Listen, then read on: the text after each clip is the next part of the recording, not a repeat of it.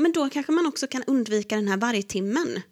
Som till exempel när man vaknar upp mitt i natten och, och börjar oroa sig för någonting som man, som man för ibland kan man ju känna det att ja, men det här kommer inte vara en så stor grej imorgon. Man vänder på det och istället för att säga nu ska jag inte grubbla över det här så säger man det här ska jag grubbla över imorgon.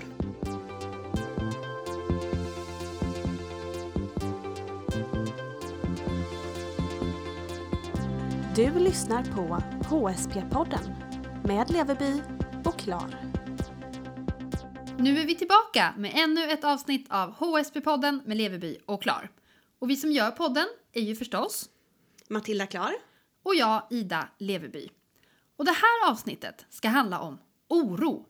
Ni vet, den där gnagande känslan i magen som skapar huvudbry och som gör att man går runt och grubblar och grubblar och grubblar. Och det vet vi ju nu att det är högkänsliga och känsliga som är experter på det här. Lite mer än andra kanske. Har du fått kommentaren Nej men nu tänker du för mycket. Ja men gud ja. Alltså det var en period som jag fick höra det hela tiden. Och till slut så blir jag så trött på mig själv för att jag gör det. Vilket ju faktiskt blir väldigt kontraproduktivt. Det blir ju som en slags dubbelbestraffning. Ja. Att först oroa sig och sen oroa sig och slå på sig själv för att man oroar sig. Ja, precis. Och det verkar ju som att många av våra lyssnare har samma problem Ja. med oro.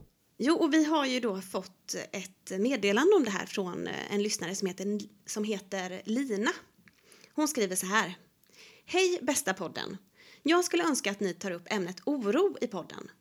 HSP och det eviga grubblandet. Kanske någon ni vet som har tips på hur man kan lindra oro, grubbleri eller handskas med det. Det känns som ett ämne som verkligen kännetecknar HSP och som gör oss helt slut. Så skulle behöva lite tips. Och det vore skönt om det pratades mer om det här, gärna utifrån ett högkänslighetsperspektiv. Eh, tack för en fin, fin podd. Och då måste vi ju såklart prata om det här ur ett högkänslighetsperspektiv. Och när det här avsnittet är slut så hoppas vi att du som lyssnar ska ha fått med dig användbara tips för att hantera oro. Men också, kanske det viktigaste, en självacceptans och förståelse för hur vi fungerar. Men först, vad är oro? Finns det något sätt att beskriva det på? Ja, jag tänkte att jag skulle läsa lite från eh, BUPs hemsida. Det, vi tycker att det är en trovärdig källa och de förklarar det på ett väldigt bra sätt. De skriver så här. Att känna sig orolig ibland är en naturlig del av livet. Känslan kommer för att signalera för oss att något är farligt så att vi kan undvika det eller förbereda oss på att klara av det. Att känna sig nervös och oro- orolig inför en särskild händelse, till exempel en viktig match eller liknande, kan eh, göra att man blir mer koncentrerad och att man förbereder sig mer och presterar bättre. Så det kan faktiskt vara bra med en viss typ av oro. Då brukar oron gå över när prestationen är avklarad. Men en del har oro som håller i sig och som inte går över. Man känner sig orolig och ängslig hela tiden. Kanske tänker man eh, mycket på framtiden och känner sig osäker eller ältar sånt som ligger bakåt i tiden. Och ibland kan det vara tydligt vad man oroar sig för. Ehm, en särskild situation eller saker. Men ibland är det också otydligt varför man känner sig orolig. Eh, och oro kan också leda till fysiska besvär, till exempel att man tappar aptiten, får ont i magen, sömnproblem eller koncentrationsproblem. Och sen så skriver de också att en del blir lättare oroliga än andra. Det beror på hur man är som person. Vissa är mer känsliga än andra. Just det. Ja, men också tidigare erfarenheter i livet kan spela in här. Ehm, Jo, och sen så tänkte jag också att de, de skriver här om skillnaden på ångest och oro som jag tänkte kunde vara viktigt att ta upp också. Att ofta används ordet ångest för att beskriva oro, men ångestsyndrom är egentligen något mer, eh, något mer än oro. Det är en diagnos som beskriver så stor oro och rädsla att känslorna tar över livet. Så det finns liksom en skillnad där mellan ångest och oro. Eh, vad kände du igen dig i det här, Ida? Ja, det ger ju ett... ehm, det förklarar ju mer vad, alltså det förklarar ju vad det är. Kanske inte vilka situationer Nej. Och jag tror att det är svårt att veta, alltså för mig själv i alla fall, vad som är oro. För ibland sätter mitt huvud igång av sig självt. Ja. Och jag märker inte ens att det håller på. Nej. Utan jag kan märka kanske en stund senare att jag har lite ont i magen eller att någonting bara känns fel. Men jag har svårt att lokalisera varför och vad Mm. Det. är det som känns fel. Ja. Det var ju det som, som de skrev där också, att det är ibland otydligt varför man känner den här äh, magontet då, eller oron. Ja, men eh, häromveckan till exempel så hade vi ett möte på, på jobbet där vi var ganska många i ett rum och ehm, då sa jag vad jag tyckte i en fråga. Mm. Och jag hade sagt till mig själv innan att jag nog skulle hålla lite låg profil på det här mötet, jag skulle inte säga så mycket. Men ehm, jag kände mig tvungen, för det var som en elefant i rummet. Det var saker som inte sades. Och då blir ju jag någon slags, så här, men jag står ju inte ut Nej. av, av det, av känslan av att så här, det finns någonting här som alla tassar runt. Ja. Då måste jag liksom bara få ut det på något sätt. Och det var ju skönt, men också lite jobbigt. Så här, men varför måste jag alltid in och peta i saker? Varför är det jag? Så här. Då började... Ja, då började det snurra lite. Men efter mötet så kom det flera personer fram till mig eh, och sa att det var skönt att ha ett sånt här öppet möte. Men också att de var lite oroliga för om några hade tagit illa upp och sådär. Och då var de lite oroliga för det själva, för saker som de hade sagt. Mm. Och då stöttade jag upp dem och var så här, nej men jag tycker inte vi ska tänka så och, och jag tycker verkligen att det här var befogat och så. Och då hjälpte jag dem, tror jag, med deras oro. Och då hade jag ingen egen Nej. oro. Ehm, och sen tänkte jag så här, men nu Ida ska du inte börja hålla på. Nej. Och jag klarar mig fram till halv åtta på kvällen. Åh nej. För då satte det igång. Ja. Och då var det som att det kom en vårflod av oro Ja. och grubblerier. Och vad sa jag och varför och tog någon illa upp? Och sa jag någonting som jag som kan ha sårat någon eller varför sa de så där och varför kom de till mig och sa det här och varför är jag så här och varför håller jag på och Ja. åh, alltså det resulterade ju i telefonsamtal med min kära mamma i säkert en timme Ja. för att bara få ur mig all den här Mm. oron. Ja. Precis. Och det är så intressant det där att det ibland kan komma just på kvällen eller på natten om man vaknar. Det är ju någonting i att man är i ett lite skörare tillstånd, att det har Ja. lättare att komma då upplever jag. För lite på jobbet då så går jag ju in i min jobb Ja. På något sätt. Ja. Då finns det inte riktigt utrymme för det. Men tankarna måste ju tänkas klart. Jag Ja. känner ju mig själv. Och då kom det ju liksom som en tjuv om natten. Precis. Mm. Jag vet att Hanna och Amanda som har den här fredagspodden, de brukar beskriva den här ångest, nu säger jag ångest men oro egentligen, att eh, den brukar komma under vargtimmen. Ja. Att det är liksom mitt på natten, på kvällen, när man är ensam, trött och liksom skör. När ingen finns där, Ja. det är då. Mm. Hur har du det själv med oron? Ja, eh, grubbleriet kan jag ju verkligen känna igen mig i och ältandet av saker. Eh, ofta handlar det om, och det har jag pratat om i podden tidigare, att eh, jag, ältar vad jag själv har sagt och gjort och inte gjort också för den delen.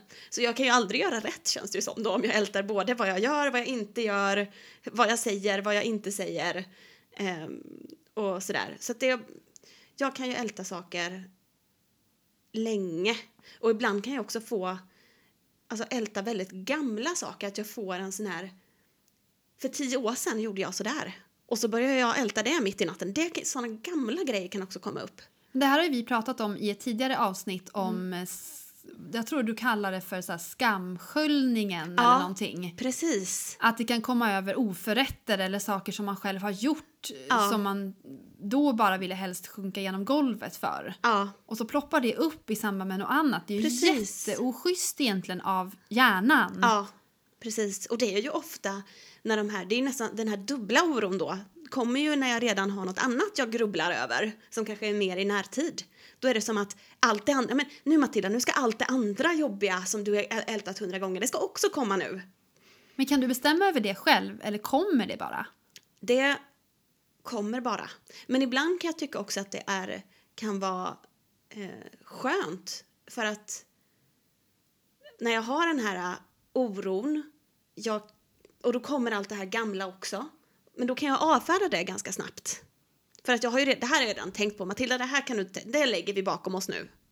Mm. Och det kanske också kan hjälpa till i det som jag, jag grubblar i för stunden. Att, så det kanske är liksom en bra mekanism att det här gamla kommer upp för att då kan jag tänka att ah, ja, men det har du ältat klart. Och det här som du ältar över nu, det kommer du också ha ältat klart.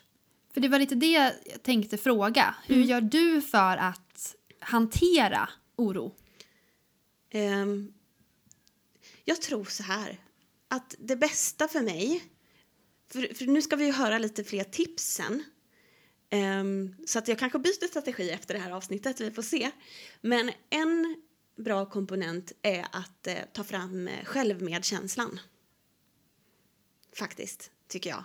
Och tänka på att man är en bra person och att man tillåter sig själv att eh, oroa sig eller grubbla och, och liksom inte tillåter sig vara elak mot sig själv utan snarare tillåta sig- själv att säga ja, du kanske gjorde fel i det här Matilda, men det är helt okej. Du är ingen usel människa för det. Alla gör fel. Och känna att det är okej. Så, och det tycker jag också är självmedkänsla, att man får liksom tillåta sig själv att inte vara perfekt helt enkelt. Hur brukar du göra? Det beror ju helt på. Jag tycker att, som sagt, jag tycker att det är lite lömskt för jag vet ju inte när jag oroar mig för jag tror att det är en så stor del Ja. av mig att skulle man jämföra min hjärna med eh, en icke högkänslig hjärna Mm. så kanske det skulle visa sig att jag grubblar betydligt mer men det är ju svårt att jämföra för det är ju någonting man gör för sig själv. Ja. Ehm, men jag tror att jag alltid behöver komma fram till orsaken. Mm. Varför mår jag så här? Vad är det som spökar? För det är inte alltid det som jag tror att det är Nej. som ligger bakom. Nej. Utan det kan komma fram att jag egentligen oroar mig för någonting helt annat. Mm. Nu blir det ju lite så svårt att, att förklara för jag har inget riktigt konkret exempel. Nej. Men då behöver jag alltid prata av mig om det. Jag behöver få tänka färdigt mina tankar. Alltså jag behöver få grubbla och oroa mig för jag tror att det, det gör ju att det på något vis eh, går ur systemet. Det är lite grann som en, en båt som åker på full fart, en motorbåt som åker full fart över vågorna. Mm. Så är det som att jag bara saktar ner, drar ur nyckeln och sen får jag ligga och guppa på vågorna. Det behöver gås igenom Ja, på något sätt. just det. Och jag försöker tänka att ja, men nu kommer det här. Det är okej. Ehm, jag låter det här bara hålla på.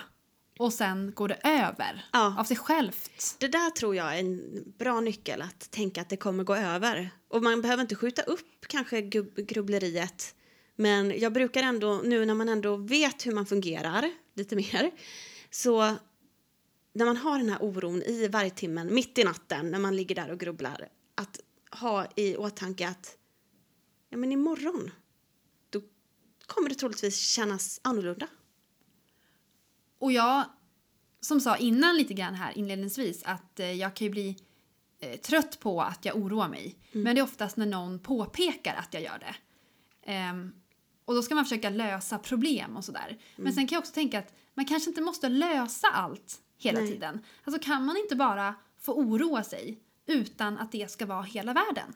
Mm, För verkligen. då gör man det ju inte till någon jättegrej. Nej. Såvida det inte är så att man alltid är orolig när man ska flyga eller sätta sig på tåg eller bil för att man tror att man ska krascha eller Ja, något sånt. Det är ju oro på en Precis. liten annan nivå sådär. Mm. Men vardagsoron, så länge den inte är helt hindrande i livet och så länge man har några strategier så är det ju ändå en del av att vara känslig. verkligen.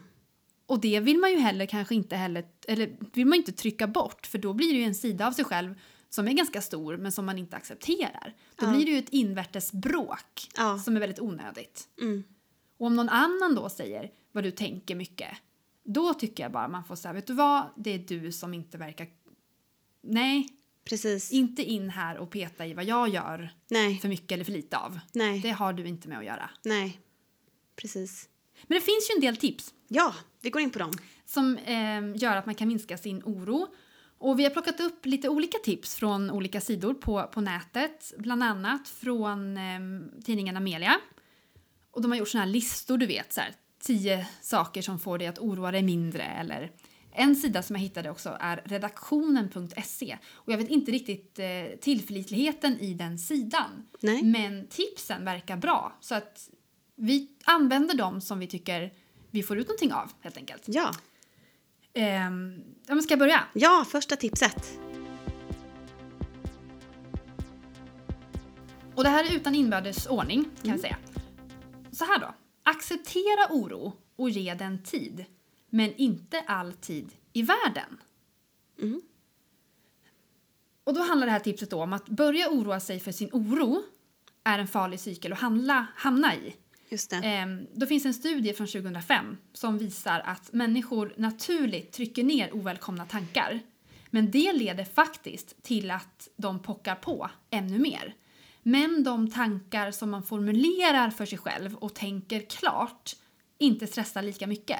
Nej. Alltså om man är lite mer accepterande mot sina tankar och känslor så behöver man inte trycka ner dem. Nej. Så kort sagt då, tänk inte jag måste sluta oroa mig Nej. utan oroa dig klart. Jättebra tycker jag. Då är det För att över det sen. blir ju en dubbel bestraffning. Att liksom, samtidigt som man oroar sig ska man också oroa sig för att man måste sluta oroa sig. Det känns ju helt okonstruktivt. Man kommer ju aldrig vinna den kampen. Nej. Och i samma tips då, istället för att de här orostankarna ska rulla hela dygnet, då kan man faktiskt, enligt vissa av de här tipsen, ge sig själv en bestämd tid då man bara oroar sig. Ja.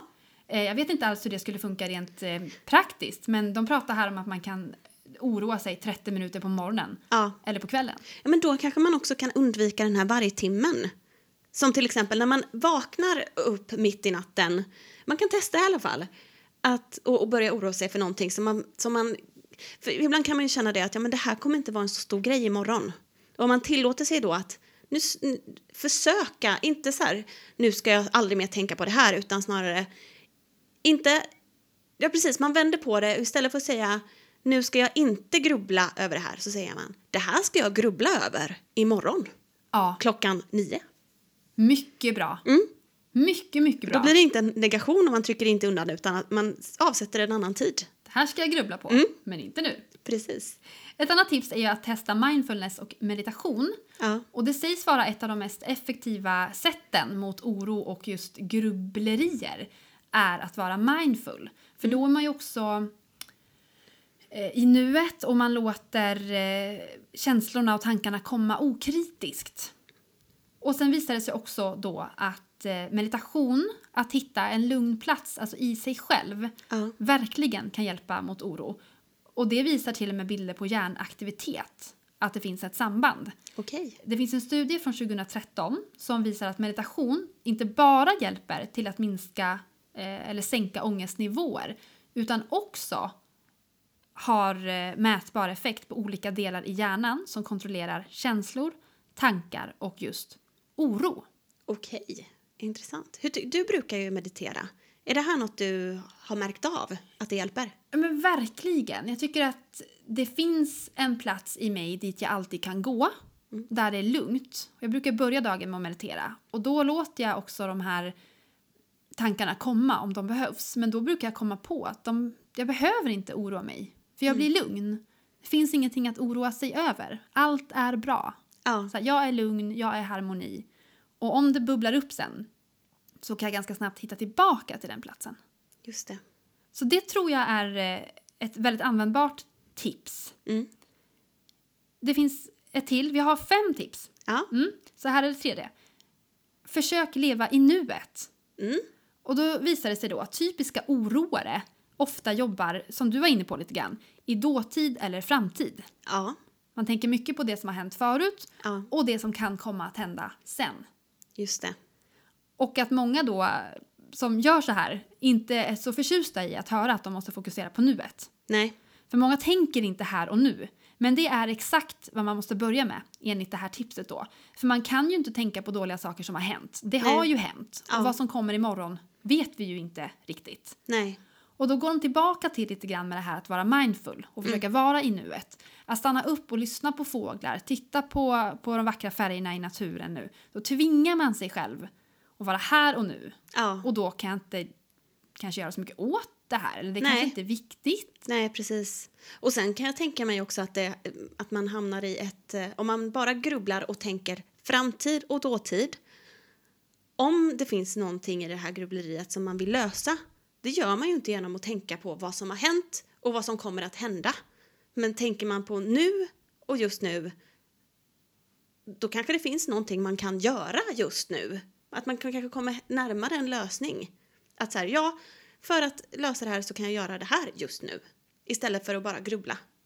Och också om man alltid är i dåtid eller framtid, då missar man ju väldigt mycket. Ja, Och man kanske, det kanske blir lite onödigt mycket grubblerier. ja, verkligen. Det här är också ett tips. Ja. Att skriva ner tankar och känslor Mm. och också ha någon slags ehm, worst case scenario Okej. kan minska stressen inför just de tankarna. Lite, och då säger en, en forskare här då att det fungerar nästan som om du tömmer hjärnan på de tankarna när du skriver ner dem. Okej. Att då har de lämnat huvudet Ja. och är på pappret. Ja. Och då är det inte lika jobbigt att ha dem i, inom sig. Nej. Och det kan väl vara kanske om man, om man tar en... Det vet jag Fredrik Paulun pratade om. Ja. Eh, vår eh, gäst, näringsfysiolog. Mm. Müsli-kungen har han ju kallats också. Mm. Eh, pratade om att han behöver ju när hans huvud sätter igång få tänka, alltså få löpa linan ut. Just det. Vad är det värsta som kan hända? Ja. Okej, men säg att jag, nu gör jag ett dåligt eh, beslut på jobbet. Jag Mm. kanske mister hela företaget. Eh, det kanske gör att jag inte har råd att ha mitt hus längre. Det kanske gör att jag eh, tappar all min tilltro till företagsvärlden. Mm. Han tog ju något sånt scenario. Ja, ja, ja. Och då minns jag att han sa att ja okej, men vänta nu, då får jag kanske downsiza. Då får jag bo i ett litet hus på Just det. landet och ha egna hönor. Vad Mm. kul, då får jag hönor. Ja. Just Att det.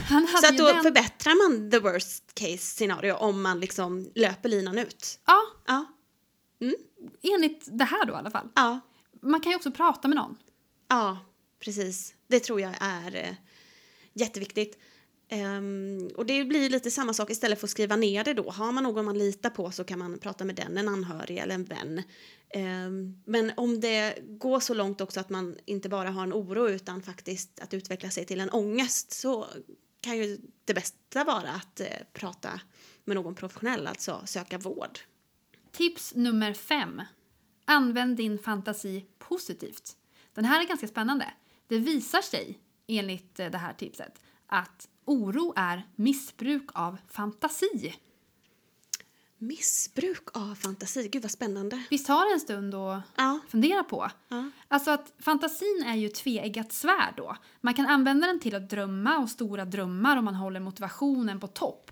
Men man kan också använda fantasin till att totalt trycka ner sig själv. ja, Och tänker jag att, att vi som är känsliga och högkänsliga, vi har ju så mycket kreativitet i oss och vi kan ju ha en sån otroligt rik fantasi. precis. Och det är också kanske just därför som vi kan gå åt andra hållet. Ja, dit det är verkligen. lite mörkare. Ja, Och där tror jag vi måste på något vis hitta strategier och tvinga oss in till det här kreativa. Att Ja. när det verkligen känns jobbigt, använd den kraften men på ett positivt sätt. precis. Skapa, måla, dreja, greja.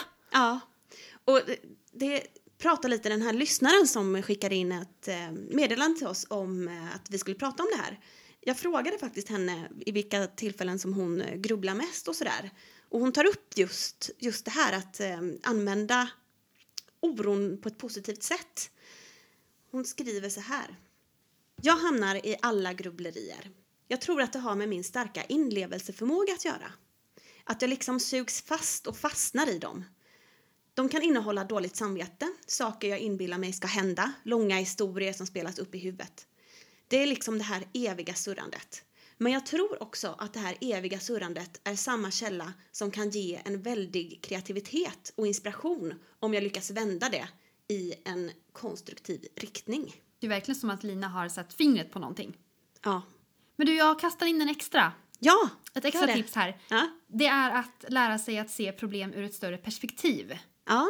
Och tänka lite, lite som du sa där med vargtimmen. Mm. Ehm, men kommer det här ha någon betydelse? Det här som jag oroar mig för nu, om två veckor, Mm. en månad, ett halvår, Mm. ett år. Och om svaret är nej, vilket ju faktiskt ofta blir svaret, Ja. då är det egentligen ingen mening att oroa sig över det. Nej, precis. Och det är egentligen ganska logiskt och det kan ju vara så svårt att, att tänka så. Men om man ändå försöker så att okej, men nu stormar det, nu känns det mycket här. Mm. Om två veckor, då finns det något nytt att oroa sig över. Ja, precis. Det var väl en positiv syn på det. Vi slutar på topp. Ja. Så där, nu har ni fått en massa tips och så hoppas vi att ni som lyssnar har användning av det. Och vi tror ju och hoppas att det också ger någonting, att ni kanske kan känna igen er i oss och våra berättelser. Ja. Och du som går och grubblar och oroar dig, du är inte ensam. Nej, det är du inte. Vi tänkte som vanligt avrunda med en eh, dikt av eh, Bertil Monegrim som jag tänkte läsa upp här. Jag tycker att den passar ganska bra till dagens ämne och eh, årstiden som precis har startat. Glöm inte dosen av vitaminer på årets mörka dagar. Även om höststormen viner och kroppen och humöret klagar. Se den som en kärlekens vind, så res upp din vackra haka. Även om tåren rinner på kind, så kommer värmen snart tillbaka. Vi finns på Facebook, där heter vi HSB-podden med Leverby och Klar. Följ oss gärna på Instagram, där heter vi ju HSP Leverby Klar. Och på vår hemsida, alltomhögkänslighet.se, hittar ni ju alla våra avsnitt förstås, men också fördjupande ämnen och eh, artiklar med våra mer kända högkänsliga gäster. Absolut. Och glöm inte att prenumerera på oss i iTunes eller Acast och betygsätt oss jättegärna så når vi ut till ännu fler. Det var allt för det här avsnittet. Tack för att ni har lyssnat. Hej då!